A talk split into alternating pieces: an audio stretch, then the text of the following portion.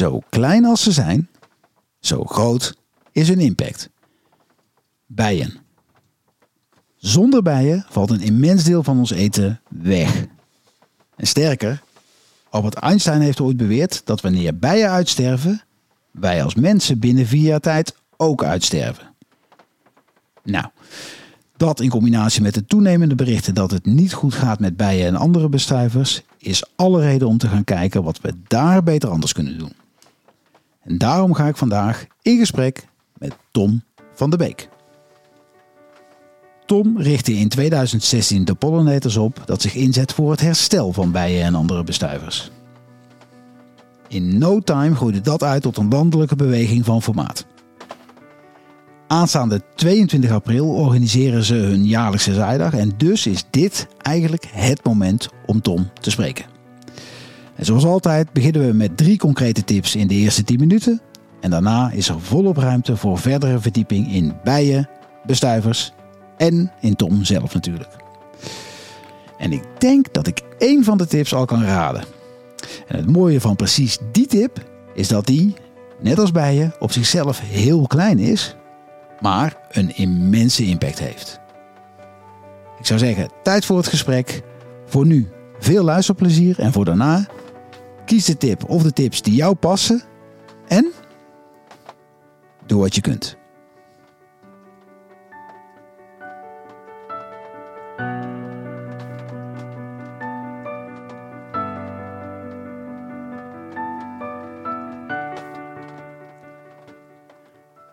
Nou Tom, daar zitten we. Ja, Ludo. Buiten je huis.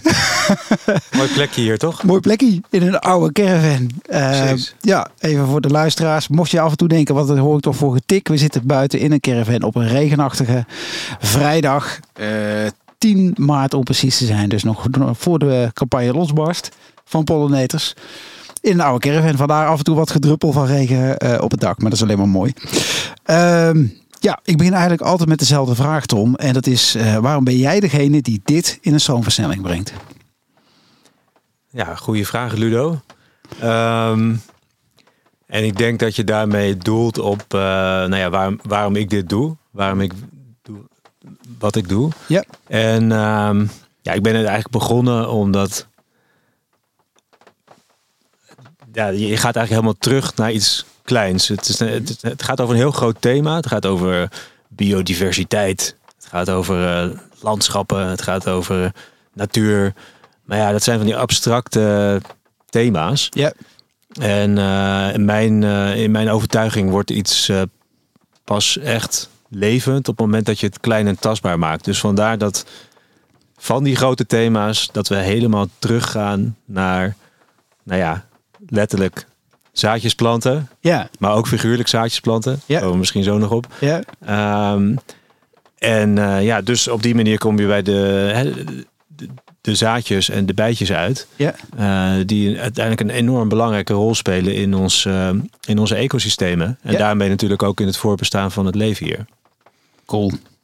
Nou, dat is duidelijk. En, maar goed, dat is dus eigenlijk waarom het nodig is om er wat mee Ja. te doen. Maar waarom ben jij dan degene die dit eh, trekt? Nou, ik moet zeggen dat ik dat natuurlijk niet in mijn eentje trek, want dat doen Nee. we met een heel team. Mhm. Eh, en daarnaast daarbuiten natuurlijk nog, nog veel meer pollinators. Mhm. Iedereen is wat mij betreft een pollinator. Maar ik ben dit wel eh, begonnen omdat ik nou ja, toevallig ehm, bepaalde skills heb. Ja. Eh, en ik ben zeker geen ecoloog. Maar ik ben wel iemand die weet hoe je een boodschap op een bepaalde manier verpakt. Zodat het ook overkomt bij anderen. Zodat het landt. Ja. En ehm, ja, ik denk dat, dat daarom het, het hele idee van de pollinators, Mhm. van het, het starten van zo'n beweging en het groter maken van een beweging, Mhm. ja, dat dat eh, iets is wat ik heel leuk vind om te doen. Ja, ja. En ja. om, te, om te zien dat er dus steeds meer mensen zich daarbij aansluiten en zich er ook druk om maken en nou ja, iets willen gaan doen. En wat dan? En dan dat jij hè, als de pollinators dan Ja. ja. ja, daar een soort eh, leidende rol in, zou, in kan spelen. Ja. Ja. ja. Dus eigenlijk een combinatie eh, tussen enerzijds eh, eh, het vermogen om, om het terug te brengen naar waar zit nou de kleinste stap die je kunt brengen. In combinatie met dat je dat goed kunt communiceren. Maar volgens mij ook omdat je een hart voor de natuur hebt, toch? Nou, dat, uh, dat, begreep ik. zou ik bijna uh, vergeten. Ja. maar dat is natuurlijk ook, uh, ook Ja. een belangrijke factor, absoluut. Nou, dan is het toch nog waar dat ik je moeder even gebeld heb. Want die vertelde dat je Oh, als kind... Ja, ja, ja, die heb ik eh, vragen Ik weet niet wat ze gezegd heeft, maar eh, ik, Ik zal niet alles vertellen, maar... eh, Gelukkig maar. Ja. nee, nee, maar ze vertelde wel dat je als, als kind al wel ehm, eh, eh, nou, eh, eh, erg begaan met de natuur was. En dingen observeerde en daar dan vervolgens eh, je, je, je stappen uit koos, zo gezegd. Ja, ik Ja. weet nog dat de, de vroegste ervaring die ik me herinner was dat ik in het voorjaar, op het moment dat de sneeuwklokjes Ja? uitkwamen en de krokussen, dat ik dan naar buiten. Ik, ik hield het elke dag in de gaten. Komen ze al? Zijn ze er al? Oh ja? En op de dag dat ik ze dus voor het eerst, hè, dat ik de bloemen ja. zag, dat ik heel enthousiast naar binnen rende en iedereen vertelde van, jee, ze zijn er, de Ja, krokussen, ja. de sneeuwklokjes. Ja. Dus dat herinner ik me nog wel. Ik denk dat ik, nou ja, wat zou ik, ik zou misschien vier, Ja. vijf jaar zijn geweest. ja. Ja, Oh, mooi. ja. Zie al lopen, joh, bijna. dat is mooi, hè, van verhalen. Ja. Ehm, Oké, Eh, ja, laten we doorgaan. Want, eh, de eerste tien minuten zeg ik altijd de tips. Dat lukt niet altijd, maar drie tips, drie concrete tips voor eh, ja, alle luisteraars van deze podcast waar ze mee aan de slag kunnen. Kom op. Nou ja, de eerste tip, en dat gaf je in de intro al aan, dat is natuurlijk zaadjes planten, zaaien. Zaadjes planten. Ja. Ehm, nou ja, daar hebben wij onze hele campagne voor, voor opgetuigd. En daar Mhm. zal ik straks dan ook nog wel iets meer over vertellen. Ja. Maar eh, ja, ga zaaien. Beg- Begin, begin gewoon. En, Mhm. eh, en wat ik vooral belangrijk daarin vind, is dat je niet alleen maar zaait, maar dat je ook jezelf openstelt om te zien ja, hoe, hoe dan vervolgens natuurlijk die eh, bloemetjes opkomen Wat daar gebeurt. wat er gebeurt. Hè, uiteindelijk eh, zie je een bloem bloeien en het, ja, het, het, het hoogtepunt is dan een beetje hè, als, als er een dikke hommel aankomt vliegen die dan Ja. precies op die bloem landt Ja. en ook echt eh, ja, het nectar en die stuifmeel eruit haalt. Mhm. En ehm, ja, de verwondering die dat met, die dat met zich meebrengt, dat is eh, in ieder geval in mijn eigen ervaring, maar ook van wat ik om me heen heb, eh, ja, heb, heb gezien en gehoord. Dat, dat is wat mensen aan het denken zetten. Oh ja, weet, het, het heeft wel degelijk effect. Het heeft degelijk zin als ik iets doe, want, Ja. want het, heeft, het heeft resultaat. Ehm, Dan ga, ga ik toch iets bekennen, Tom. Want ik ben volgens mij vanaf het eerste uur eh, heb ik uh, bijenzaad opgehad. Want voor mij was het eerste jaar nog dat mensen het uit de zakken gingen scheppen in kleinere zakjes. Eh, dat, Ja. was, dat was de eerste waar ik het op gehaald heb. ja, klopt. Dat is al lang geleden trouwens. ja, ja, ja. Ja. Nou ja, 2016 op zijn vroegst, hè? Dus eh, op zijn laatst. Dus het valt mee. Maar, eh, maar ehm, ik moet zeggen, ik heb ze altijd gezaaid en ik ook wel in de gaten gehouden dat ze groeiden. Maar Er is niet zo, opgekomen? zo. Jawel, jawel. Oh, wel. dat ook nog. Ja, ja. Heel veel gesproken tegen die bloemetjes. Dat, Ja, dat helpt ook. Dus, ja. Een beetje liefde geven. Ja, dus af en toe geef ik ze koptelefoon en dan doen we weer een podcast erbij. Maar, nee, maar ehm, ik, dus ik heb het zeker wel gezien en ook elk jaar wel bewust eh, gezaaid. Maar zo, als, zo eh, minutieus als jij het nu beschrijft, eh, daarnaar kijken, dat ga ik dit jaar even toevoegen. Dat heb ik tot nu toe Ja, nog nou niet ja, gedaan. ja. Dus sorry. Geeft niks. Krijg straf kan van- nog steeds. Ik krijg straf van de grootmeester van de pollen, pollinators dadelijk. Maar Je moet ook niet te dichtbij zitten, hè, want dan. ja, precies. komen Schiet ze af. niet. Ja. Precies, zo is het ook. Ehm, maar je zegt de zaadjes planten. En waarom is dat belangrijk? Want dat weet ik wel, maar misschien niet iedereen die luistert. Ja, nou, ja, kijk, uiteindelijk is het, eh, is het heel belangrijk dat eh, bestuivende soorten, en dat zijn, het zijn trouwens niet alleen bijen, dat zijn Mm. ook vlinders en zweefvliegen, zelfs, Ja. zelfs vleermuizen. Dus dat, eh, dat bestuivers voldoende en gevarieerd voedsel hebben. Nou ja, ehm, dat is helaas niet meer zo. Ja. De tuinen die zijn steeds meer versteend in, Ja. in de steden, dus er is steeds minder groen. En als er al groen is, dan is het vaak ook groen wat niet per se voedsel oplevert Ja. voor die bestuivers, hè, voor Ja. die insecten. En het kan zijn omdat het op een bepaalde manier gekweekt is. Het kan zijn omdat het nou ja, geen, geen planten zijn die hier van nature voorkomen en die dus Mhm. misschien helemaal niet geschikt zijn. Ja, precies. En misschien voor bepaalde soorten weer wel, maar andere wilde bijensoorten weer niet. Ja, want ik heb wel eens gehoord dat dat, eh, dat daar had ik zelf nog niet zo over nagedacht. eh, dat eh, eh, zomaar in het wilde weg bloemetjes eh, er neerzetten. Ja, dat, is, dat geeft al kleur. Maar er is ook zoiets als al- afhankelijkheid van sommige bijen eten alleen sommige bloemen. En sommige bloemen worden alleen bestuivd door sommige bijen. Er zit ook een bepaalde afhankelijkheid daarin. Dus je moet eigenlijk lokaal pakken. Hè? Ja, Want daar heb je de stappen in gezet, toch? Want in eerste instantie hadden jullie een wat algemener kruidenmengsel, dacht ik.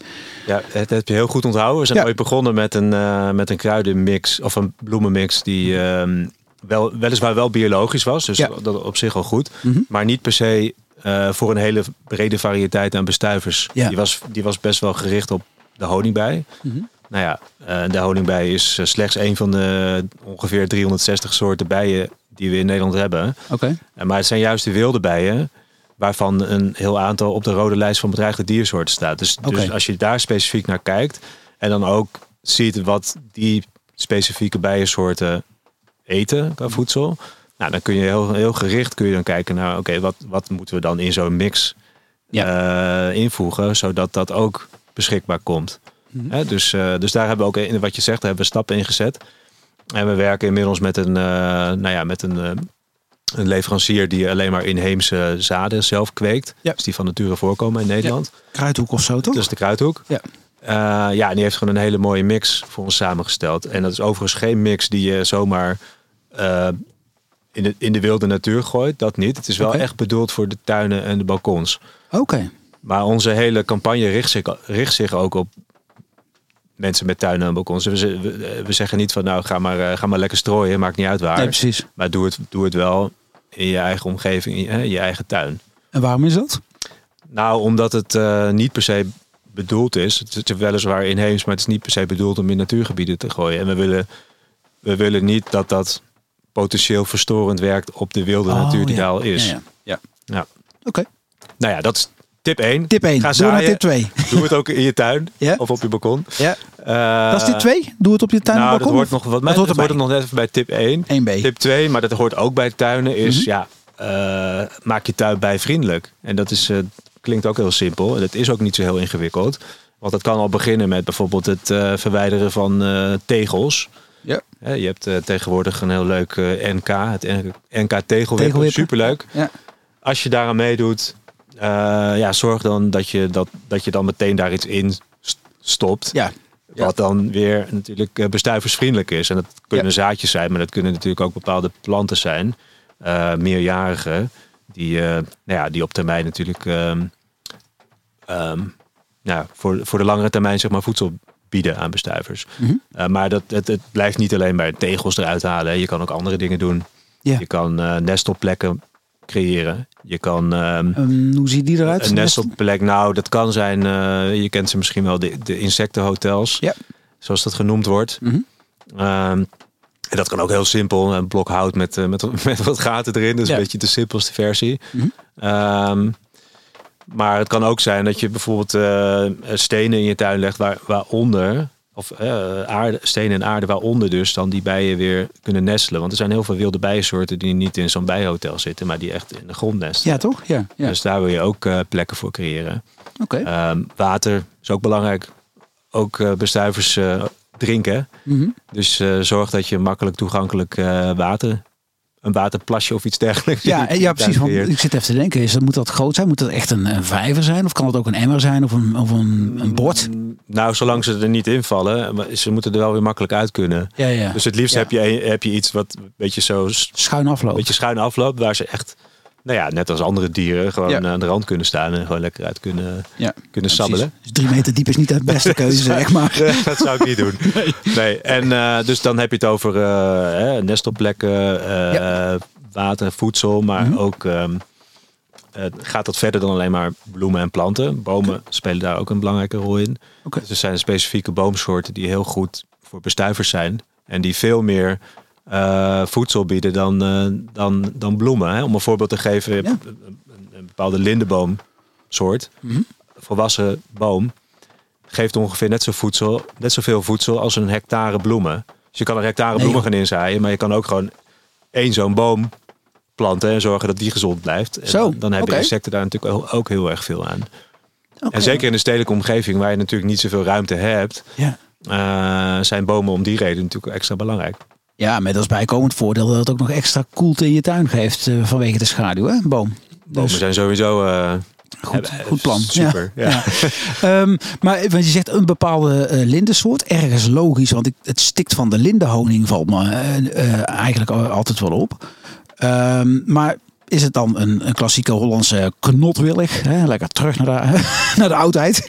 Of wat, Ja, er zijn waar moet ik aan allerlei. denken? Weet je, weet je welke soort je dan het beste kunt hebben? Of? Mm, nou, er zijn allerlei soorten die, eh, die geschikt zijn. Mhm. Ehm, nou, ik weet niet specifiek welke lindensoort je, ja, welke dat dan zou, zou zijn. Maar goed, uh, heb jij ook nog wat huiswerk? Kunnen we even uitzoeken, toch? Dan doen we dat straks in de, in de show notes. Ja, dat doen we in de show notes. Ja, oké. Nou ja, tip 3. Dan hebben we twee tips gehad. Ja. Tip 3 en um, ja, ik weet niet of je daar uh, later nog op terug wilt komen. Maar wat je natuurlijk ook kan doen is uh, zorgen dat je in je omgeving verder pollineert. Dus, uh, je kijkt er heel bedenkelijk bij. Ja, hoe, zeg, je dat? en het klinkt, enge term, of rare termen. Het kan ook hele, hele rare dingen betekenen. Ja, dus wat bedoel precies. je ermee? Maar een van de dingen die je, die je bijvoorbeeld kan doen is gewoon je stemgedrag. Dat is heel belangrijk. En je kan, oh zo? Uh, ja, er zijn mm -hmm. volgende week uh, verkiezingen. Of, ja? ik weet niet, niet wanneer dit uitgezonden wordt, maar als het goed is voor de verkiezingen nog. Ja, het plan was in ieder geval voor de 22e uiteraard. Um, oh. En voor de verkiezingen kan inderdaad verstandig zijn. Dus maar de, dat is zeker een mogelijkheid. Ludo. Nee hoor, laat maar lekker staan.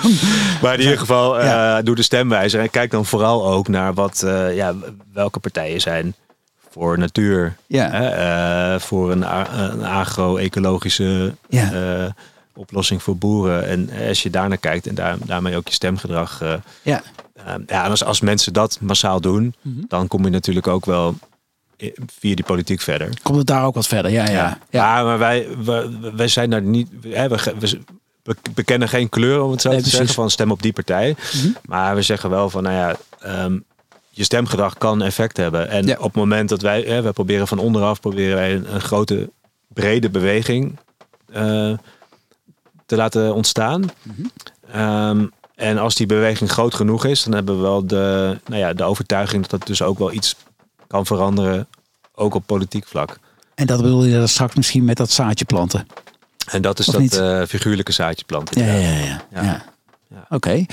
Okay. Um, maar um, Uh, nou, ik, had, ik, ik, heb je van tevoren gevraagd, goh, uh, wat zullen we met, uh, met, met, want de verkiezingen, ja, misschien eigenlijk heel eerlijk, Elisa Pauls kwam er mee. Ik weet niet of je die kent, maar die is ja. met Zero Waste bezig. Die zit overigens ook in, ja. een keer in de podcast binnenkort. Um, die is al opgenomen. Um, maar zij zei ook van ja, misschien is het wel handig om die reden om van tevoren uh, te plaatsen. Dus vandaar dat ik jou even contact zocht van goh, hoe, hoe kijk jij er ja, tegenaan? En terecht zeg je, ik ga geen stemadvies geven. Dat moet je ook zeker niet doen. En dat heeft überhaupt ook geen zin, denk ik. Maar, maar zijn er partijen waarvan je eigenlijk al wel kunt zeggen, nou ja, als, zo, als je nou per se uh, 24 uur alle partijprogramma's wil lezen en je komt tijd tekort, laat die dan even rechts uh, of links. Ja, rechts is eigenlijk wel een leuke woordspeling misschien, maar lees die even niet. We hebben het eigenlijk al gezegd. Onbe ja, zo'n onbedoelde voorspeling eigenlijk, maar ja, wat erg. Ja, ja. Um, ja nou ja, ja, kijk. Um, Als ze er niet zijn, moet je het ook zeggen, Tom. Ik bedoel, uh, want kijk, ik weet wat, het niet. Uh, nou ja, ze zijn er zeker wel. Maar wat wij, uh, als je kijkt naar, als je het even weer terug uh, brengt naar de, naar de pollinators, hè, de bestuivers. Ja. Nou, wat, wat is nou een van de oorzaken die eraan bijdraagt dat het niet goed gaat met bestuivende soorten? Ja. Nou, dat Ja. is bijvoorbeeld het gebruik van bepaalde pesticiden in de landbouw. Ja. Um, of dat is bijvoorbeeld het, uh, het grootschalige monocultu monoculturen in de, in de landbouw. Ja. Uh, en dat, ja, wij zeggen van nou dat, dat, dat moet anders. Het kan ook anders. Mhm. Je kan natuurlijk ook heel, ja, je kan heel goed zonder die uh, schadelijke pesticiden. Je kan heel goed diversificeren, zodat je niet meer vastzit aan die monoculturen. Ja. Zodat er veel meer diversiteit is. Um, in zowel uh, het leven boven als het leven onder de grond. Ja. Um, ja, en daar hoort natuurlijk een bepaald beleid bij. En dat beleid, dat is dus dat is niet bij elke partij. Uh, In goede handen. is dat hetzelfde? Ja. Zeg maar. Nee, dus ja, en dan heb je de, de meer traditionele partijen die, um, ja, die eigenlijk wat we dan noemen het convention, conventionele Boeren. boeren. Ja, ja. Uh, ja. ja, die, uh, die, zou, die, die, die, die hoor je wat minder snel uh, praten over, Over de groene kant, zo, Over- vergroenen. over Ja. het vergoeden daarvan. Ja. precies. Maar ja, dan ga ik het toch eh, vragen. En weet je, als je geen antwoord wil geven, Tom, of, uh, of je, je stapt eroverheen, dat is prima. Zeg dat ook vooral. Maar betekent dat, want ik denk eigenlijk als ik je zo hoor praten, um, ik ben, uh, nou ja, ik, ik, ik, ik hou het zo goed als ik kan in de gaten de politiek. Niet omdat ik het leuk vind, maar omdat ik een goede stem wil uitbrengen voor datgene waarvan ik in ieder geval denk dat het de, de, de toekomst van mijn kinderen veilig stelt. Veilig stelt. Um, en ik, nou ja, je, je, leest over bijvoorbeeld uh, de boer-burgerbeweging, dat die, nou ja, dat die best wel banden hebben met wat meer het klassieke manier van boeren. Ja. Maar ja, ik snap ook dat je, als je daar geen. eh, ik, bedoel, ik zeg niet dat ik er tegen ben of zo per se. Want ik vind, eh, nou, ik vind de dame die, die het, voortouw neemt daar behoorlijk. eh, eh, nou, heeft ook een hele prettige kant. Dus lekker duidelijk en, eh, en nou, in ieder geval open. Ja. Maar daar zit wat meer de klassieke eh, eh, toon, zeg maar, wordt daar gehaald. Ja, natuurlijk. Ja, Er zit natuurlijk ja, ook de industrie. check. De industrie eh, Ja, die zit erachter, daar, hè? zit daar ook weer achter. Ja, Maar tegelijkertijd vind ik het ook te makkelijk om dan dat meteen te gaan bashen. Want ja, Ja, de boeren, die dan, die dan conventioneel boeren, die zitten natuurlijk ook niet zomaar in, in die hoek. Dat is zo ontstaan, is zo gegroeid. En de overheid heeft er ook een rol in gespeeld. Ja. Ehm, dus ja, je moet daar ook, ik vind dat je daar ook wel genuanceerd mee, mee om moet gaan. Helemaal mee eens. En sterker nog, je, het, ja, een beetje, ik weet niet of het helemaal een geschikte term is, maar je hoort wel eens in het pak genaaid, zeg maar. Dus, dus de, of, Ja. of in een gewoonte ge- gevallen, zeg maar. Dat is misschien iets een fraaiere verwoording. Ja. Ik knip nooit, maar dus, dit blijft er wel in staan. Maar ehm, uiteindelijk zijn we natuurlijk met z'n allen in een bepaalde manier van leven gerold. Eh, eh, nou, we zijn denk ik ongeveer dezelfde leeftijd. Ja, voor mij was het ook heel normaal dat je, Ja. nou, noem het maar op, eh, een hele hoop gewoontes die ik vroeger deed. Als, kind eh, sigaretten op tafel. En want als er een feestje was, nou ja, werkelijk. Ja. Dat, ja, dat is dit ook, denk ik. En ik denk dat het Ja. kans, de, de, de, de, de, stap vooral is. Hoe help je elkaar eh, naar een volgende halte, zeg maar. Zonder dat iemand daar eh, grote schade van ondervindt. En dan gaat het veel meer over samen doen, hè? Ja, Dus niet bestje, in tegendeel. nee, ik denk dat je dat heel mooi hebt gezegd. Daar Ja, ben ik het helemaal mee eens. Ik deed mijn best om goed te luisteren tot. Dus, ja. Nee, maar ik ben het heel, een, mooi, een mooi punt. Oké, dus eh, eh, heb, ja, we hebben ze gehad, hè, de drie. Ja, Ja, als je er nog één wil, kan altijd. eh, nou, Nee. gooi er nog één in dan. nou, misschien straks. Direct, oh, dat is ook goed. Ja, ja. Oké, ehm, ja, de, de- eentje waar ik heel nieuwsgierig naar ben is... eh, eh, ehm, ja, waar staat Pollinators nou in de kern voor? Want jullie doen meer dan alleen bijen. Ja, je bent ook met bomen. eh, Treevember heb je in eh, november. Ja, Dus ja, klopt.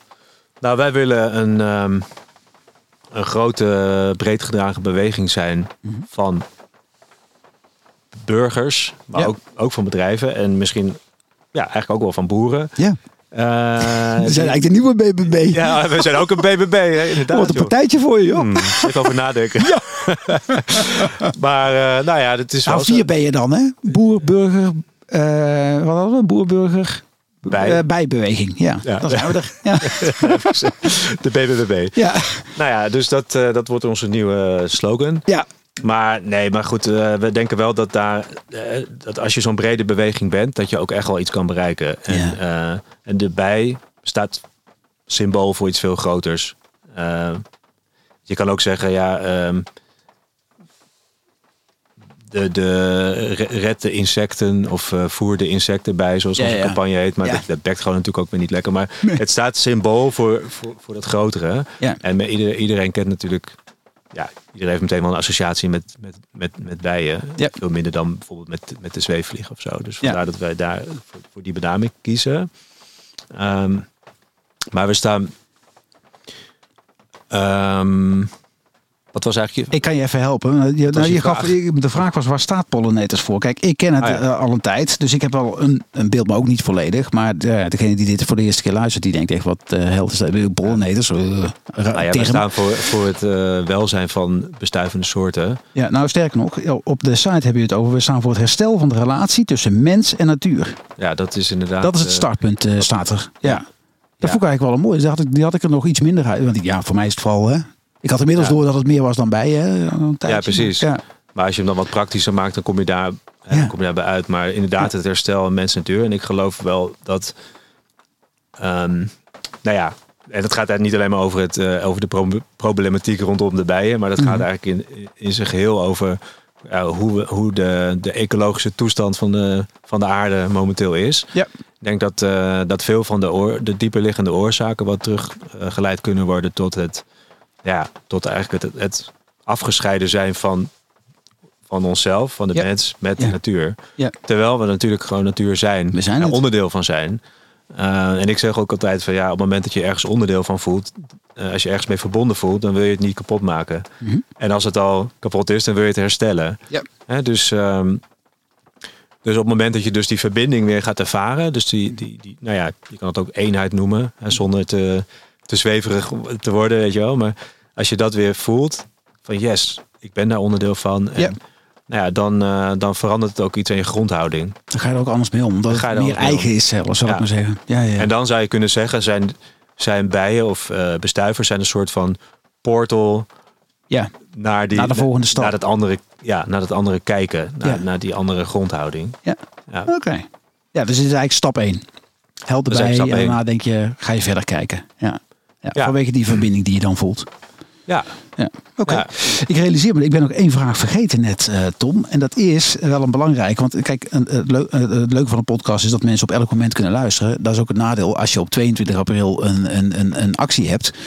Wat nu als iemand op, op, eh, op 23 april eh, dit voor de eerste keer hoort, of daarna. ben je te laat. Wat, ja, precies. Kun je niet meer meedoen. Waar was je al die tijd? Ja, kom terug. ja. Ja. Nee, dan is er natuurlijk nog eh, genoeg te doen. Wat, ja, precies. Maar, eh, maar om een beeld te geven, wij hebben twee grote campagnes Ja. eh, per jaar. De, de ene campagne is de Voer de Bijbij campagne. Die Ja. speelt in het voorjaar. En die, Mhm. die is helemaal ehm, ja, gefocust eigenlijk op, op dat zaaien. En specifiek op die dag, 22 april. ja, 22 april Nationale Zaaidag. En misschien kan ik ook nog wel uitleggen hoe, hoe dat dan precies Ja, vertel. in zijn werk gaat. Want nou ja, wij zijn dus met het idee van voedselbanken voor bijen gekomen. Mhm. De bijen hebben het moeilijk. Ze hebben honger. Ze kunnen niet voldoende voedsel eh, vinden. Ja. Dus laten we ze een handje helpen. Ja. Nou, zodoende zijn die voedselbanken in het leven geroepen. Ja. Zijn we ooit mee begonnen. Jij was een van de eerste die, eh, die meedeed. Jij? Ja, ik was er Eh, nog afnemer van de bank. Maar ik ben nu sinds de, afgelopen twee jaar ben ik voedselbank geweest. Ja, dat is uitgiftepunt. Ja. en wat betekent het? Je bent een uitgiftepunt, een uitdeelpunt van, van dus die inheemse bloemzaden. Mhm. Nou, je kan je aanmelden eh, vanaf 21 maart dit jaar om ook voedselbank te worden. Nou, nu hebben we 3000 plekken. Dus 3000 mensen in Nederland, maar ook in België, Mhm. kunnen dit jaar meedoen. Dus een verdubbeling ten opzichte van eh, vorig jaar. Dus eh, nou, ja, in die zin gaat het goed. Oké. Pollineren. Ja. Mensen kunnen zich aanmelden, krijgen vervolgens een stipje op de online kaart. Mhm. Waarop dan staat nou ja, wie, wie je bent, hoe je voedselbank heet. Mhm. En, eh, en eventuele opmerkingen Ja. van hoe mensen jou kunnen be- benaderen. Ja. Nou, en vervolgens gaan die voedselbanken open op 10 april. Dus dat is twee weken daarna. Dan zijn ze hopelijk allemaal gevuld. Dan hebben we hopelijk 3000 mensen die meedoen. Mhm. En, ehm, en vanaf dan kun je als buurtbewoner, als familie, vriend, whatever, kun je terecht, kun je, kun je contact opnemen met de dichtstbijzijnde voedselbank. Want dat vind je dus op die online kaart. Ja. Door, door middel van het eh, invoeren van je postcode. Kun je terecht, kun je je voorraadje zaad komen ophalen. En dat is op eh pollinators. punt- Nee, het is voerdebijbij.nl. Oh, pardon. Pol- heet de website. .nl. Ja. En ja. ja, en wat ik nog vergeten was, is dat Ja. wij sturen dus alle voedselbanken een pakket. Ja. En er zitten promomaterialen in. En, en natuurlijk die zakjes inheemse bloemzaad van de ja, kruidhoek. precies. Dus mensen kunnen aan een poster, aan de, eh, eventueel eh, aan de, aan de Kun je, kun je op eruit het, zien. op het raam zien van, hé, hey, Ja. daar moet ik zijn. Ja. Nou, en vervolgens haal je het op en dan bewaar je het goed. Want je mag het niet meteen zaaien. Dat doen we pas op 22 april. Dus op 22 april is de Nationale Zaaidag. Dat is de kick-off van het zaaiseizoen. Oké. Dus dan gaan we met z'n allen, Ja. het liefst met z'n allen tegelijk op één moment. Ja. Nog even kijken of we dat dan ook eh, bijvoorbeeld online kunnen streamen of zo. Met een, eh, Oh, met filmpjes of zo. Oké. ja, of iets. Misschien heb je daar nog leuke ideeën over, maar dat, dat zijn we nog aan het bedenken. Maar dan, dat, dan gaan we zaaien. En Ja. Nou, ondertussen hebben, zorgen wij natuurlijk voor veel, eh, zoveel mogelijk media reuring, zoals dat heet. Mhm. Ehm, zodat iedereen er vanaf weet. eh, zo- en zodat zoveel mogelijk mensen ook meedoen. En dan heb je dus. Kijk, als, als, als iedereen alles uitdeelt eh, binnen al die voedselbanken, dan heb je. Nou, dan ga je toch al wel richting de bijna 100.000 mensen die meedoen. En nou, dan heb je al. Ja, dat, dat is best wel substantieel. Eh, en Dat is een mooi understatement dit. Is, wat zei je? dat is een mooi understatement dit. Is twee keer de kuip. Ruim. Nou, ja, als je het zo zegt. ja. Dat is echt veel. En eh, kijk, en we zeggen dan niet, nou doordat je nu één zakje zaad eh, in je tuin zaait, redden we de, de redden we, de- is het probleem het daar in één keer op. Nee, dat, dat is ook helemaal niet onze, onze insteek, maar het is veel meer, het is eigenlijk een tool om in eerste instantie voor überhaupt daarover, dat mensen daarover nadenken Mhm. en dat mensen er zelf mee bezig gaan en dat ze daardoor ook weer, en waar we het net over hadden, die verbinding Ja. tussen jezelf en natuur door middel van die zaadjes, bloemetjes, bijtjes en zo weer, weer, weer terugkrijgt. En dat, wij hopen dan dat het leidt tot meer vragen. Van, oh, eh, oké, eh, waarom gaat het dan niet goed? Mhm. Oh, het gaat niet goed, waarom niet? Ehm, wat zijn de oorzaken dan? Eh, en wat kan ik dan eventueel zelf nog meer doen? Mhm. Behalve dit ene zakje zaad eh, zaaien. Nou, en dan, dan komen wij natuurlijk met een, eh, een hele riedel eh, dingen die je nog meer kan doen. Ja, En dat varieert van wat ik net al zei met die tips. Maar je, Ja. tot, tot aan sluit je aan bij een lokaal initiatief wat zich hier ook, ook al mee bezighoudt. ja.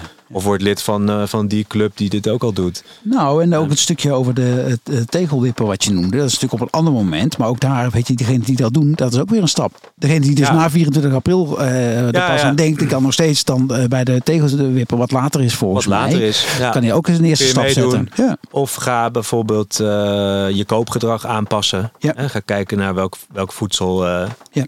Laten we zeggen, bijvriendelijk Ja. geproduceerd is. Nou, ik had er ook nog eentje net, want we hadden het over eh, een beetje over wat zou een vierde tip kunnen zijn. Want die stem, dat is eenmalig. En eh, ja, Ja. Dat, is, dat is leuk, maar ook eenmalig. Dus dat bestendigt wat minder. Geldt niet echt, hè? Ik zat nog te, nou, ik zat te denken, toen jij de term pollineren eh, gebruikte, was het eerste waar ik aan dacht. Ehm, eigenlijk wat je ook in, in, in, eh, op sommige plekken wel hoort over eh, vert- vertellen, eh, spreid het woord, zal ik maar zeggen. Dus vertel wat je doet, vertel Spread met seed, anderen. Ja, ja, Eigenlijk ook een zaadjeplant waar je het over hebt. Ja. Praat er eens over met je buurman. Nou, die buurman zal misschien die poster zien hangen, maar dan kan het nog steeds zijn op je werk of weet ik wat, hè, dat je daar het doet. Of als jij denkt, nou, ik, ga ze, ik ben bij je bank bij mij thuis, vragen ze je aan, je aan je werkgever of ze niet in het volgende kerstpakket ook bloemzaadjes doen. Want dat weet ik nog. We hebben in, eh, nou, vrij recent eh, eh, was ik bij een gemeente en heb ik het daar geopend voor een buurtfeest wat over klimaatadaptatie ging. Ja. Ook weer zo'n moeilijk woord, hè? klimaatadaptatie, net als biodiversiteit. Dat zijn allemaal van die ingewikkelde termen. Ja. Het betekent eigenlijk gewoon zorg, dat, zorg goed voor de natuur. Dan wel zorg goed voor, dat er genoeg natuur is. Bio, er is verschillende natuur. Ja. Daar kun je natuurlijk ook mee doen. Hè? Dus, dus doorvertellen van het verhaal.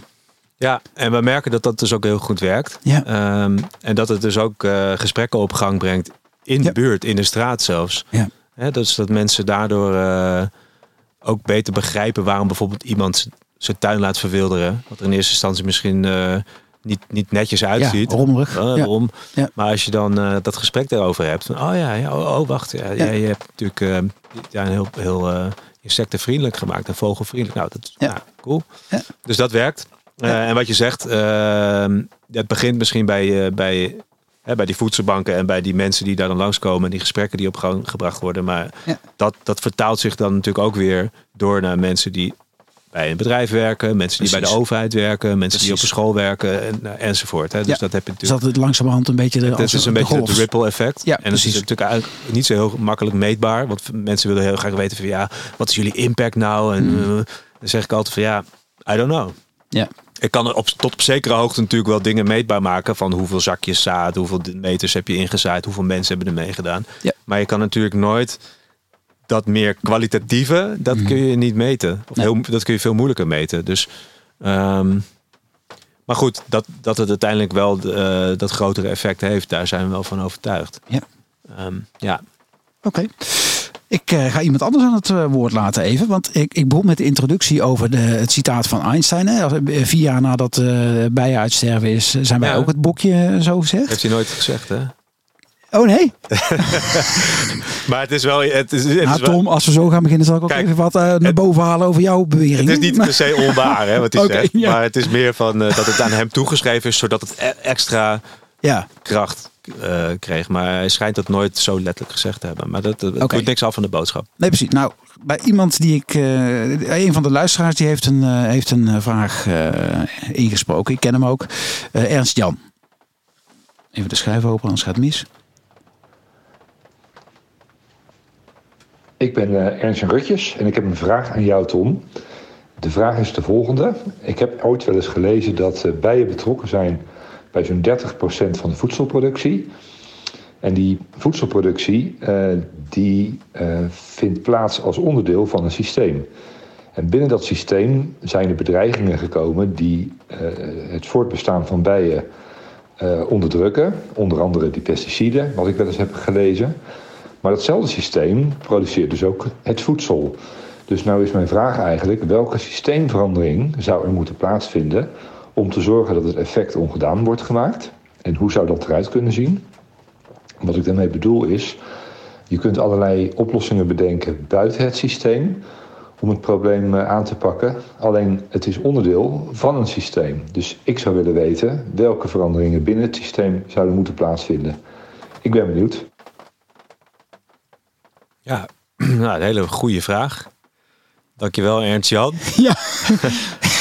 Even tijd kopen. Ja, ja precies. Even nadenken. Ja. Nee, ja, ja, het systeem. eh, kijk, als je naar een systeem, als je begint bij, nou, je kan het helemaal terugbrengen naar, ehm, ja, wat is er nou belangrijk Mhm. In het leven? Ja, ja. Eh, Nou, vertel maar Tom. dat, dat is een beetje te breed. Ja, oh. Maar als je het to- toespitst op de vraag, ehm, nou ja, ik denk als je het over het voedselsysteem hebt, dat je, eh, dat je het ook terug kan brengen naar wat is belangrijk, namelijk de, de bodem is belangrijk, een gezonde bodem. Mhm. En, en, en een grote diversiteit aan planten eh, en gewassen boven die bodem. Mhm. Hè, dus, eh, dus als je dan kijkt naar het systeem zoals het nu is, hè, en dan heb ik het over het, het voedselsysteem, grootschalige landbouw, eh, monocultuur, Ja. veel pesticiden gebruiken, Ja, veel kunstmest. En even monocultuur, eigenlijk dus hele lappe grond. Een hele met hectare gewas. grond met alleen maar één gewas. Ja. En waarom is het belangrijk om, om daar die, die afwisseling in te hebben, Tom? Want Nou ja, omdat je dus eh, als eh, insect heb je er niks te zoeken, heb je niks te vinden. Ja, ja, tenzij, of het, als één soort, ex, eh, precies. tenzij het een gewas is wat dan net... Maar, jou maar dat is. is dan alleen maar een heel kort periodetje Ja, precies. tijdens het jaar. Dus heb je een paar weken, heb je de amandelteelt bijvoorbeeld in eh, Californië. Dat is heel groot. Mhm. En er zijn dus imkers die een bijenvolken dus op grote vrachtwagens met, met honderden bijenkasten tegelijk ehm, van eh, ja, naar die amandelvelden rijden. Ja. En daar mogen die, die bijen dan keihard gaan werken om al die, die, die, eh, die amandelen te, te bestuiven. Mhm. Maar ja, dat is twee weken per jaar. Of drie, of eh, in ieder geval heel kort. En, en wat doe je dan de rest van het jaar? Ja, dit klinkt een beetje als het is eh, een beetje een slechte vergelijking. Maar goed, ik kom uit die regio. Carnaval. Het is, twee, we- het is de- drie dagen lang ga je helemaal, ja, maar helemaal, Helemaal los. los. En de rest van het jaar mag je op een houtje bijten. Ja, dat is een beetje. En, Even en, dat, en dat overleven mensen nog wel met carnaval, maar, maar bij je niet per se. Dus, eh, dus dat. En eh, ja, dus, dus als je hè, even terug naar de vraag. Ja, wat je ja. zou moeten doen is qua systeemverandering. Ja, ja, nou, zorg, zorg voor een robuust systeem. Wat, eh, wat dus die diversiteit heeft. En wat, ehm, nou ja, wat verschillende soorten voedsel naast elkaar produceert. Eh, rekening houdend met wat nou ja, het, het hele ecosysteem nodig heeft. Ja. Inclusief de, de bijen. Ja. Kijk, en wij zijn dan zelf heel erg voorstander van, eh, als je dat dan een naam wil geven, van, van voedselbossen Mhm. slash eh, agroecology, zoals dat ook wel genoemd wordt. Dat je dus eigenlijk de natuur imiteert. Ja. Ehm, hoe, hoe functioneert een gezond bos? Hoef je nooit te irrigeren. Nee. Hoef je nooit kunstmest eh, bij te doen. Hoef je geen pesticiden. Dat, dat houdt zichzelf in stand. Mhm. Dat is gezond. Dat houdt water vast. Eh, dat heeft een voldoende variatie aan, eh, nou ja, aan gewassen. Ja. Als je dat imiteert en op zo'n manier je voedsel produceert, Ja. ja. dan, dan werk je eigenlijk al toe naar een ander systeem. Het is natuurlijk te makkelijk om te zeggen van nou ja, als iedereen eh, nu, nu eh, voedselbossen gaat aanplanten, dan komt het wel goed. Want je hebt natuurlijk te maken met het huidige. ja, maar is dat, zo is dat echt te makkelijk? Of is dat eigenlijk Nou, te moeilijk? Eh, het is natuurlijk ook zo dat de, de, machines zijn er helemaal niet op afgestemd. Je, weet je, de, er zijn veel te weinig mensen. Weet je, want op- als je naar zo'n systeem gaat, dan zul je ook. En nu is het zo dat de trend de laatste 40, 50 jaar geweest is dat er steeds minder boeren Ja. bij zijn. Of ja, steeds minder boeren waren. Ja. En elke boer heeft steeds meer grond. Ehm, dus per boer is er steeds meer grond, er zijn minder boeren. Nou, eigenlijk zou je dat moeten omdraaien. Want er zijn namelijk steeds meer mensen. Dat neemt alleen maar toe. Ja. Maar op, op het moment dat je die mensen bij voorkeur echt zeg maar uit je eigen community, dus lokaal, ehm, weer meer betrekt Mhm. bij het boeren en dan eh, specifiek dus zeg maar die, die voedselbossen, dan heb je natuurlijk ook al, eigenlijk al meteen je, je, je productiekrachten, of hoe zeg je dat? Eh, de, eh, Ja. Dus dan, ehm, dan kun je veel meer mensen uiteindelijk voorzien van werk. Ook Ja. is het misschien maar part-time. Dus samenvattend zeg je, ehm, eh, wat er in het systeem zou moeten eh, eh, veranderen, is dat je van die monocultuur naar diversiteit gaat. Naar veel meer afwisseling, veel meer verschillende soorten door elkaar. Zodat je niet op het moment, laten we het even simpel ze- zetten. Stel je hebt een, nou, heel Nederland staat vol met, met één soort gerst, tarwe. Ja. Eh, nou komt er een, eh, een tarwekrekel, die vreet heel die, eh, die is gek op. Nou, die, die komt in het Walhalla, want tarwe staat wel even. En dan kan die gewoon, nou, die, kan, die, heeft, die heeft drie dubbel carnaval, zal ik maar zeggen. Die gaat helemaal los. He went ballistic, zeggen ze in het Engels wel eens. Hè? En, die, en, en de, alles is weg. We hebben geen eten meer. En dan kunnen wij als mens een jaar lang zonder eten. En nou, ik denk dat we iets langer volhouden dan in de hon- hongerwinter deden. Maar eh, omdat we allemaal iets meer spek op onze botten hebben. Maar dat gaat niet een jaar lang goed. Eh, en, en, met, juist met, met die, die, die diversiteit heb je altijd nog een, een plan B en een plan C en een plan D wat je kunt gaan eten. Daar zit ook winst. En dat is eigenlijk, toch? Dat is wat je zegt. Als iets Daar zit systeemverandering. ja. Dat, maar ook, eh, nou ja, het gaat verder dan dat. Want het gaat ook over bijvoorbeeld supermarkten. Hm? Ehm, lo- lokale productie en lokale consumptie zouden natuurlijk veel beter zijn in, in heel veel opzichten. Ja. En niet alleen maar ecologisch, maar ook eh, plastic, eh, ver- verpakkingen die je niet per se nodig hebt, Ja. zoals het nu is. Maar eh, de, het transport, eh, wat je nu in de supermarkt koopt, dat komt meestal van, van de hele wereld. Ja. Dus dat telt ook allemaal mee. Dus als je meer lokale afzet hebt en lokale productie, dan heb je ook weer, draag je bij in die systeemverandering. Ja, precies. Dus ook daar maak het klein. Nou, Ja. En diverser. Ja. En lokaler. Oké, Ja, helder. hey, en, en eh, ja, ja, weet je, dit is natuurlijk ooit begonnen bij jou. Je hebt net al een beetje ge- aangegeven hoe je, dat je een, eh, als, kind al eh, nou, naar buiten rennen om sneeuwklokjes te volgen. Ehm, voor wie doe je dit? Voor wat drijf je hierin om dit te doen?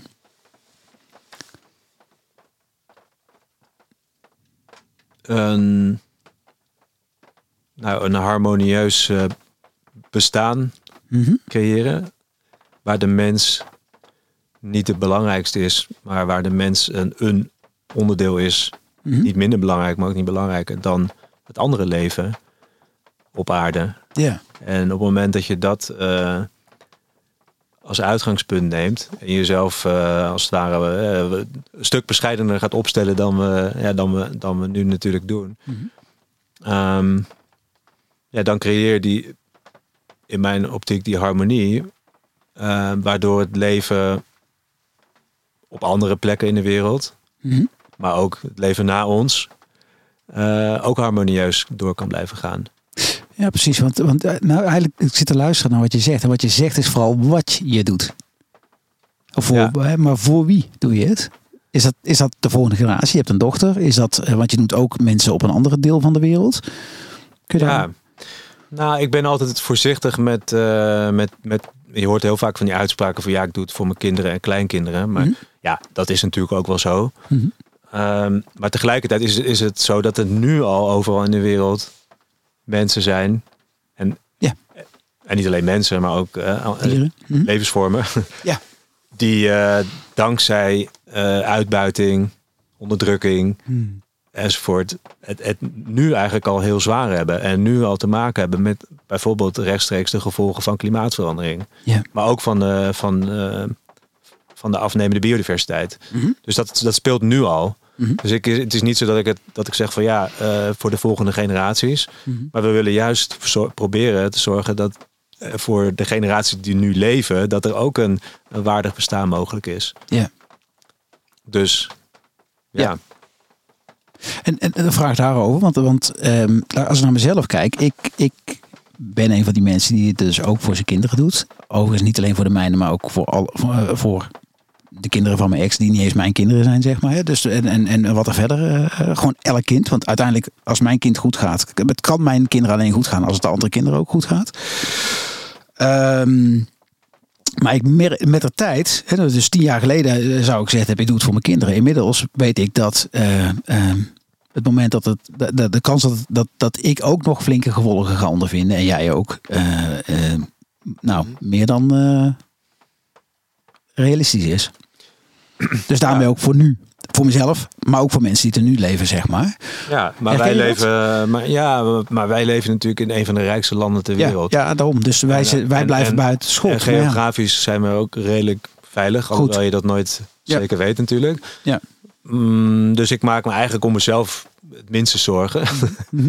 en misschien ook nog wel om de, van de, eh, de, de mensen om me heen. Maar, maar je bent natuurlijk ook net vertrokken uit een risicogebied, hè, wat dat betreft. ik heb het hoger opgezocht. ja, ja, hij woonde in Amsterdam. En nou gaat hij een beetje op de, ik weet niet welke heuvel. De maar lekker hoog zitten. Ja, precies. ja. Ja, maar goed, ja, ik zie dat ook wel als een, als een eh, ja, toch wel ook wel als een soort privilege wat ik heb. En wat heel Ja. veel mensen natuurlijk niet hebben. Mhm. Ehm, ja, dus, dus vandaar. Dus, eh, dus je bewustzijn van je eigen, Mhm. eh, van je eigen positie in de, in, de, in de samenleving in Nederland, maar ook, ook wereldwijd. Ik denk dat dat ook al een stuk helpt Ja.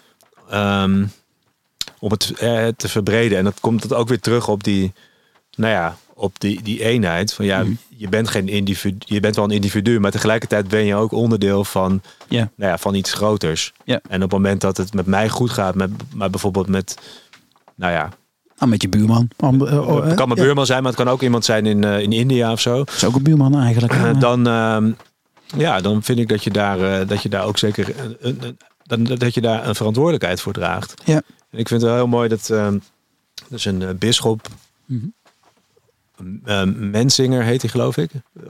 Nee, het is een boeddhist. Eh, nou ja, nu zeg ik weer allemaal dingen die, die niet helemaal kloppen, denk ik.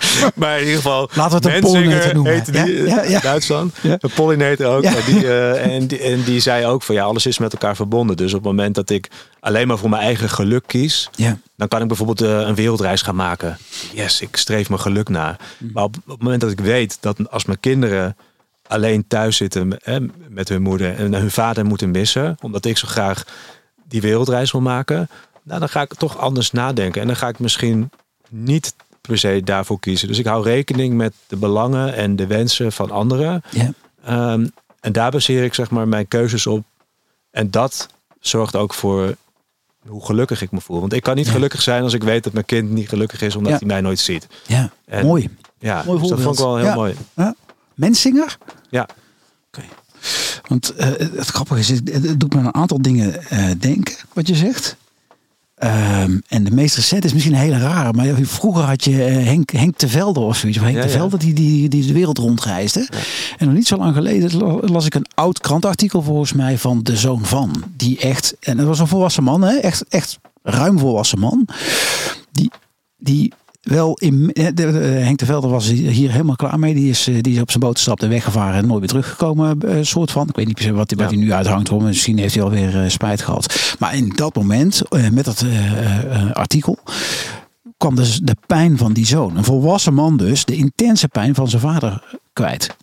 Weer. Want dat is zijn hele leven zo ongeveer. Hè? Want Henk de Velde die ging eh, eh, honderden keren de wereld over. Om allerlei eh, bijzondere dingen voor elkaar te krijgen. Dat mislukt ook regelmatig. Maar ook regelmatig wel. Maar hij was per saldo weinig thuis.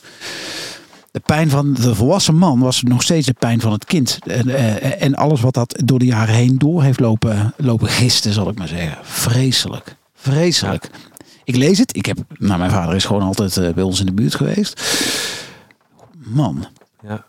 Ja, Nou ja, zo zie je maar weer. ja, En ik heb ook wel, eh, wel momenten gehad hoor. eh, dat Mhm. ik dacht van ja, ik laat alles achter me en ik ga gewoon eh, Mhm. ergens op een eilandje wonen of zo. Maar ja, tegelijkertijd, de wereld wordt daar niet anders door. De Nee. Dus dat, dat zou ik niet kunnen volhouden, omdat ik weet wat er allemaal nog speelt. ja. ja. En ik weet ook dat ik niet alles kan oplossen. Dus zeker, natuurlijk niet. Maar ik probeer wel zoveel mogelijk mijn best te doen om Ja. daar iets van te maken. En Ja. nou ja, hoe klein die bijdrage dan ook, ook uiteindelijk is. Ja. Nou ja, 100.000 is toch. eh, Nou ja, Er zijn mensen die het niet voor elkaar krijgen, zeg maar. maar goed, je mag nog een stukje sta- een stapje zetten voordat je op eh, René Vroger hoogte zit, zeg maar. Want die trekt hem meerdere keren vol. ja. Ehm, ja, ik eh, zit even te denken. Wat zullen we als volgende doen? Ja, ik ga nog één luisteraar. eh, nee, nee, ik ga een andere vraag stellen. Wie Dus is trouwens, T- eh, Thomas Metzinger. Thomas man, Metzinger? ik, heb, ik Metzinger, oh, met moet het even opzoeken. Maar Ja, ja. Ik heb hem hier. Ik denk al, Interessant, interessant. Ik denk, hij zal toch niet onder de podcast iets gaan zoeken op zijn telefoon, maar jawel. Ja. Hij is alles jaren voorbij. het moet komen, hè dan? Ja, het moet gewoon. Ja, dat herken ik wel. Ehm, ja, eh, wie, wie of wat inspireert jou? Ehm, nou, ik, ik ben zelf ben ik best wel ehm geïnsp- Kijk, we zitten nu op een hele bijzondere plek. Ja. Het, het landgoed Eerde bij Olme. Ja. En daar zitten we niet voor niks. Want ik ben, eh, ik ben hier in de buurt opgegroeid. En we- Ja. wij wandelden vroeger altijd eh, hier in de omgeving. En ehm, het blijkt dus dat, deze, dat op deze plek Mhm. een, eh, nou ja, toch wel een bekende denker, filosoof. Eh, alhoewel die zichzelf nooit filosoof zou noemen. Maar Mhm. Jiddu Krishnamurti heet hij. Van de- Krishnamurti. Krishnamurti. Ja. Ehm, dat hij hier ehm, in de twintiger en dertiger jaren van vorige eeuw, dus 100 jaar geleden, eh, jaarlijks ehm, ja, een soort spirituele kampen had. Ja. En dat hij dat, dat, dat, dat deze plek eigenlijk het middelpunt was van de spirituele wereld. En dat was hier. Was hier, precies waar we nu zitten. En dan 1920 of zo. dus- 1923 Oké. was, de, was de eerste keer dat hij hier kwam. Exact 100 jaar geleden. Exact 100 jaar geleden. Oh. Ja. En als klein jongetje las ik veel. Eh, kwam ik heel veel in de bibliotheek. En op een gegeven moment was er een hoekje ingericht. Mhm. Nou, dat was dus voor die Krishnamurti. Oké. En ik zag daar een, eh, een mooie foto van hem staan. Dus een Indiaanse man die Mhm. dan in het, in het bos stond waar wij elke dag of elke weekend eh, wandelden. Dacht van ja, wat, wat, wat, wat, wat vreemd, wat bijzonder eigenlijk. Dus ik was er heel erg door geïntrigeerd. En ik heb daar toen ook zelfs een spreekbeurt over gehouden in de, Hmm. in de klas. Een jaar of acht was ik toen. En dat bleek dus achteraf dat het naar aanleiding van zijn overlijden was. Dat, dat hoekje. Want hij is in 1986 is hij overleden. Toen was ik, eh, nou ja, acht. Ja. Eh, of negen. En ehm, dus dat, eh, dat is me altijd wel bijgebleven. En pas later in mijn studietijd Mhm. ben ik er pas echt over nagedenken. Ja, waar stond die man eigenlijk voor? Want ik was een keer eh, met iemand in gesprek over spiritualiteit. En zei hij, ja, je moet eens wat lezen van Krishnamurti. Zou je leuk vinden? ik zei, ja, maar die ken ik al lang, joh. Ja. dat was mijn buurman. Heb ik een gesprek met over gehouden? Ja. de buurman. Maar toen ben ik me erin gaan verdiepen. En wat ik mooi vond aan zijn boodschap is Ja. dat, eh, dat hij zei van ja, je, je kan alleen je eigen leider zijn. En, ehm, Oh. en op het moment dat je iemand volgt, Ja. ehm, en het kan zijn, eh, dat kan zijn re- religie, of dat kan zijn een ideologie, of dat kan zijn eh, een, een, ehm, een goeroe volgen of zo. Ja. Dan, ehm, ja, dan verlies je eigenlijk de, de leiderschap over je eigen leven. Ja, ja. Dus hij, hij ehm, nou, ik vond het, ik vond het heel, eh, heel mooi. En ik heb dat zelf ook wel zo ervaren. Omdat ik zelf ook in een kerk ben opgegroeid. En Mhm.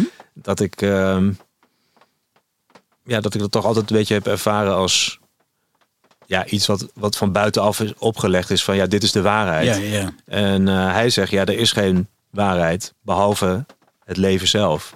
Ja. En eh, nou ja, goed, daar kun je heel lang over door filosoferen. Maar ik vond het een hele mooie, heel mooi uitgangspunt. Het heeft me heel erg geholpen om, nou ja, toch een beetje mijn eigen En- ehm, en conditionering Ja, te precies. zien. En nog niet eens zozeer dat het helemaal, dat het dan in één keer in een, in een, En een eh, flits om is. Nee, dat het helemaal, maar, maar Mhm. wel dat je, dat je daar meer inzicht in krijgt. En ik denk dat dat een heel, heel belangrijk punt is. Dat, je- dat wij als mens leren zien wie we zijn. Ja. En wat we zijn. En waarom we denken zoals we denken. Ja. En waarom we een bepaald wereldbeeld hebben. Eh, maar op het moment dat we, dat we daar geen aandacht aan besteden. Dat we dat gewoon als een soort gegeven zien. Dat dat vervolgens ook heel veel conflicten veroorzaakt. Want dan is, dan is jouw wereldbeeld is, is de waarheid. Mhm. Terwijl het wereldbeeld van iemand anders, die misschien hele andere dingen doet en, Mhm. en denkt, dat is misschien net zo goed. Voor die persoon is dat de waarheid. Ja, en ja, eh, daardoor ontstaan natuurlijk eh, conflicten, oorlogen, eh, enzovoort, enzovoort. En, en, en want dit is je, je inspirator, zeg je? Ja. Vind je jezelf, hoe, hoe, hoe, hoe kwalificeer je jezelf als je eigen leider? Hoe, luk, hoe goed is het je tot nu toe gelukt? Nou ja, dat vind ik ook wel een lastige vraag eigenlijk. Ja, ik ook. ik ook, maar daarom stel ik hem maar. Maar ik, Ja. eh, en het is ook weer niet zo dat eh, je eigen leider betekent dat je dus heel eh, individualistisch wordt. En, Nee, nee, nee, zeker helemaal niet. Maar dat probeer ik natuurlijk ook te voorkomen. Mhm. Ehm, maar ik ben wel. Ik probeer, en, in die zin ben ik wel veel bezig en bezig geweest met, met, met nou ja, zelfonderzoek. Ja. En, eh, en een andere uitspraak van Krishnamurti is bijvoorbeeld... ehm, jij bent de wereld en de wereld, dat ben jij. Dus er is Ja. eigenlijk geen onderscheid. Dus op het moment dat ik, ja, dat ik mezelf zie als, als onderdeel van het grotere... dan ga ik me ook anders gedragen. Hè, richting andere mensen, richting eh, de natuur. Ehm, en dat komt ook wel echt daar vandaan. Ja, ja. Dus, ehm, dus dat betekent ook dat alles wat ik doe ook effect heeft. Dat het niet Altijd, ja. altijd en dat het Ja, niet insignificant is, of maar dat, maar dat het dus echt een effect heeft. En soms weet je helemaal niet wat voor effect iets heeft. Ja. En wordt dat pas duidelijk, misschien zelfs na je dood. Na je dood, ja. Ja, maar ja. Ja. la- als we dan eh, eh, een prachtig voorbeeld vind ik altijd Vincent van Gogh. Ja. Die werd in zijn leven was het echt gewoon de, de schooier van de. Dit, was, dit ligt, daar- lag echt aan de rand van de rand van de rand van de samenleving. En daar eigenlijk ook overheen in de stond. Daar werd, dat was, daar werd ook op, fors op neergekeken. Kijk vandaag. Ja, Ruim na zijn dood. ja, Ultiem voorbeeld wat mij ja, betreft. een mooi Ja. voorbeeld. Ja. Oké, ehm, ik ga nog. Het, ja, we, zullen, we lopen lang uit. Want het is een mooi gesprek. Ja, dat maakt niet uit. Ik bedoel, eh, kwaliteit gaat boven eh, kwantiteit, denk ik dan. Hè? Eh, ook als het dus meer is. Eh, we hebben toch nog een klein beetje goede economie, hè, wat Rutte fijn vindt. Eh, ik, heb, ja, ik ga nog even. eh, ik vraag degene. eh, je hebt drie mensen, zoals iedereen, drie mensen aangereikt met wie je contact op mocht nemen. Nou, eh één daarvan heeft nog een vraag aan je die ik toch nog graag even stel. Lieve Tom, wat is volgens jou het allermooiste, het allerbeste wat je zou kunnen dromen of willen voor de pollinators? En ehm, heeft het wel zin om in dat soort utopische termen te denken en te dromen? Wat is de rol daarvan, van een droom? Het zijn eigenlijk twee vragen. Hè? Wat je zou wensen voor de pollinators en wat de, functie van een droom is. Je mag zelf kiezen welke van de twee je uit eh, hebben Hmm. Toch een beetje streng zijn voor de tijd. maar- Ja, ik vind die vraag over heeft het wel zin, vind ik, vind ik wel Kom maar. mooi. Eh, Ja. En ook niet zo makkelijk te beantwoorden. maar ik denk dat alles, eh, hè, terug, even terugkoppelend naar wat we net zeiden, dat, alles, dat het uiteindelijk wel zin heeft. Maar Ja. dat je misschien niet altijd het, het resultaat ziet. Ja. Maar als je dus zegt, ja, het letterlijk planten van die zaadjes en het, Mhm. eh, het strijden voor een, eh, een, een systeemverandering, hè, bijvoorbeeld in de, in de voedselproductie. Ehm, ja, dat is gewoon dat, dat is iets heel praktisch. En ik vind het wel fijn als je, als je iets bolligs, eh, abstracts, Ja. eh, dat je dat zo praktisch mogelijk kan maken, omdat je het in ieder geval daar wel direct Ja. invloed op kan hebben. En zeg je dan dus dat de droom, de functie van de droom is de grote toekomst te zien? En wat je er vervolgens zelf mee doet, is dat je de, eh, de, de, de grote toekomstdroom vertalen naar wat kan ik vandaag aan kleine Ja, dan gaat het over zetten. wat kan ik nu doen. Ja, en, wa- ja, precies. En, eh, dat dan dus ook doen ten dienste van die droom. Ja, want als je dat niet doet, eh, Mhm. ik denk dat, het, dat dan het gevaar op de loer ligt dat je een soort van hopeloos wordt. Ja. Van ja, de problemen zijn zo groot in de wereld. En nu hebben we het alleen nog maar over, over pollinators. Maar Ja. er zijn natuurlijk nog wel heel veel andere dingen die Ja, ja. ook wel allemaal met elkaar samenhangen. Ja. Maar je moet ergens op ja, beginnen en je ook Ja. ergens op focussen in die zin. Ja. En ik vind het zelf heel fijn om me te focussen op, op dat kleine. Ja. Wat uiteindelijk steeds verder kan worden uitvergroot. En, en uiteindelijk zeg maar ook weer op alles terugslaat. Dus dat, eh, nou ja, dat, dat geeft, ja, noem het houvast of iets. Maar in ieder geval, dat geeft gewoon wel, ja, voor mij persoonlijk geeft dat ehm, ja, richting. Ja. Geeft dat ook een soort van rust, zeg maar. En- want als je alleen maar naar de droom kijkt, dan, ja, dan, dan blij, houd je de onrust totdat die realiteit is. En met die kleine stappen heb je juist rust. Ja, het geeft ook Van de- rust. ja, dan zie je wat meer ook voortgang. Ja. Ja. en tegelijkertijd denk ik ook wel dat zo'n droom. Heeft het allemaal wel zin? Dat het af en toe eh, stel ik me die vraag natuurlijk ook wel. Maar dat het ook eh, niet alleen daarover hoeft te gaan. Dat je ook gewoon echt wel eens een keer een dagje gewoon niks kan doen. Eh, Ja. En, en ik, ik haal juist heel veel inspiratie en heel veel energie uit een dag Niks wandelen of iets. Ja, ja, ja. Dat Ja. is natuurlijk ook wel begrijpelijk. Maar vergeet vooral dat niet te doen. Ja. Eh, eh, Ja. eh, want je kan je zo verliezen in elke dag. Dus ook, natuurlijk zit het ook in onze cultuur dat we hard moeten werken. En dat, Ja. dat levert natuurlijk ook weer... ehm, nou, het levert niet alleen stress op, maar dat, levert, dat levert ook waardering op van mensen. Maar dan dat voedt ook je ego weer. Dus Ja. we leven in een, in, een, in een maatschappij waar dus alles wordt afgemeten aan hoe succesvol je bent. Ja. Terwijl, ja, daar heb ik ook zo mijn twijfels over of dat, wel zo belangrijk zou moeten zijn. Ja, Goh, ik moet me echt beheersen om niet door te vragen. Nou, Ik ga het niet doen. Ik ga het niet doen, want anders wordt het staat straks eh, anderhalf uur eh, op de teller. En dat vind, tenminste, dat, dat vind ik ook zelf altijd wat lastig. Eh, we gaan naar, nou, voor ik het vergeet, ja, muziek. We hebben een playlist, hè, de, de Beter Anders playlist eh, op Spotify. Ehm, en ik vraag al mijn gasten, wat is jouw nominatie voor op die playlist? Je hebt hem me verteld, maar je mag hem zelf introduceren en toelichten waarom. Ehm, ja dan eh, moet ik even kijken Oh, je weet niet meer welke, wat hè? dat er was. Lekker bezig, Tom. weet jij het nog? Ja, ik zal... Ja, het was Trevor Hall, dat weet ik wel. Ja, Singer-songwriter. ja. En het nummer heet The Weaver. The Weaver, ja. ja. En ehm, ja, wat ik daar mooi aan vind, ik vind sowieso eh, zijn muziek heel mooi omdat het heel erg ook het aardse heeft en heel erg die gaat over natuurconnectie. Mhm.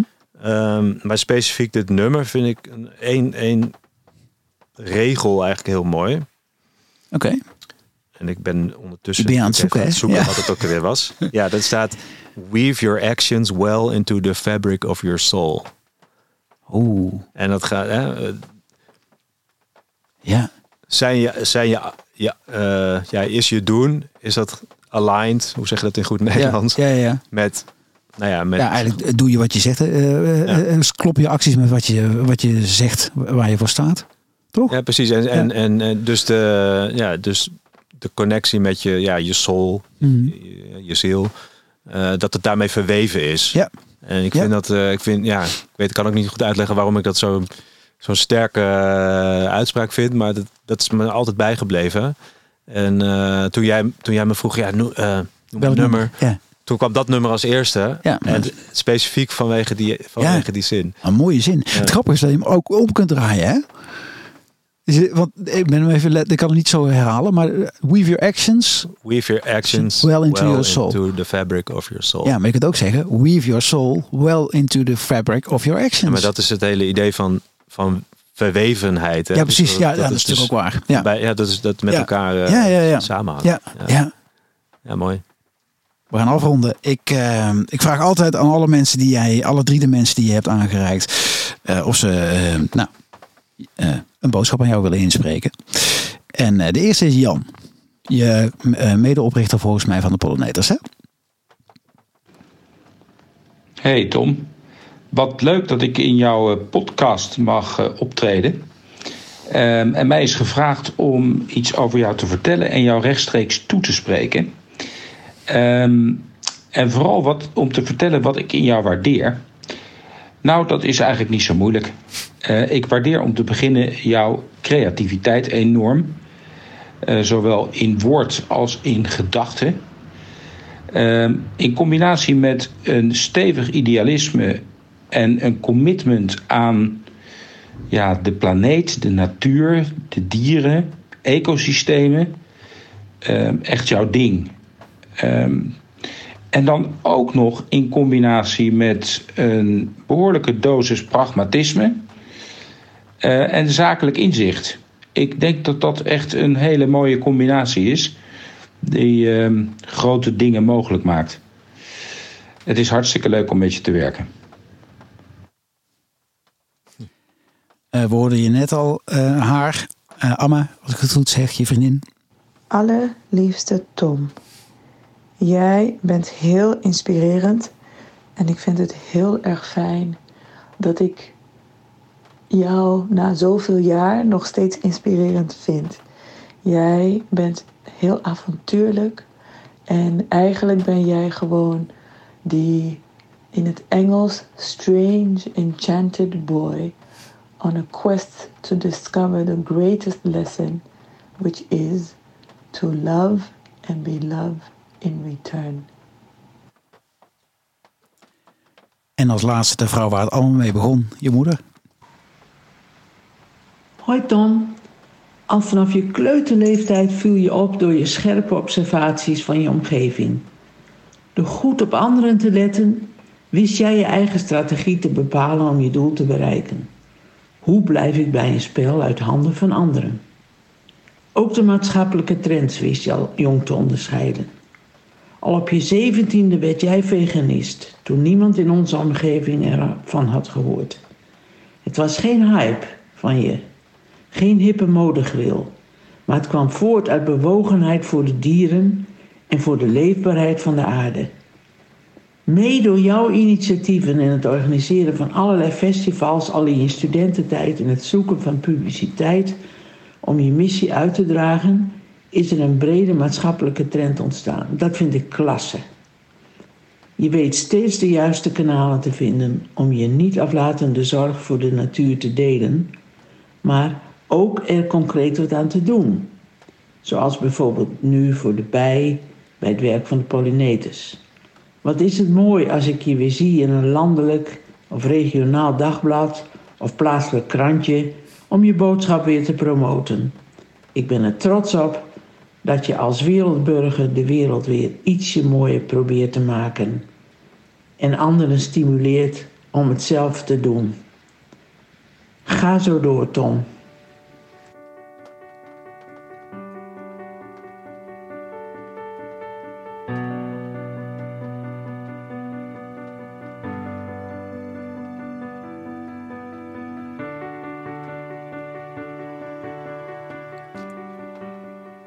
Ja, en daarmee zijn we aan het eind gekomen van deze aflevering. Beter anders, voer erbij bij.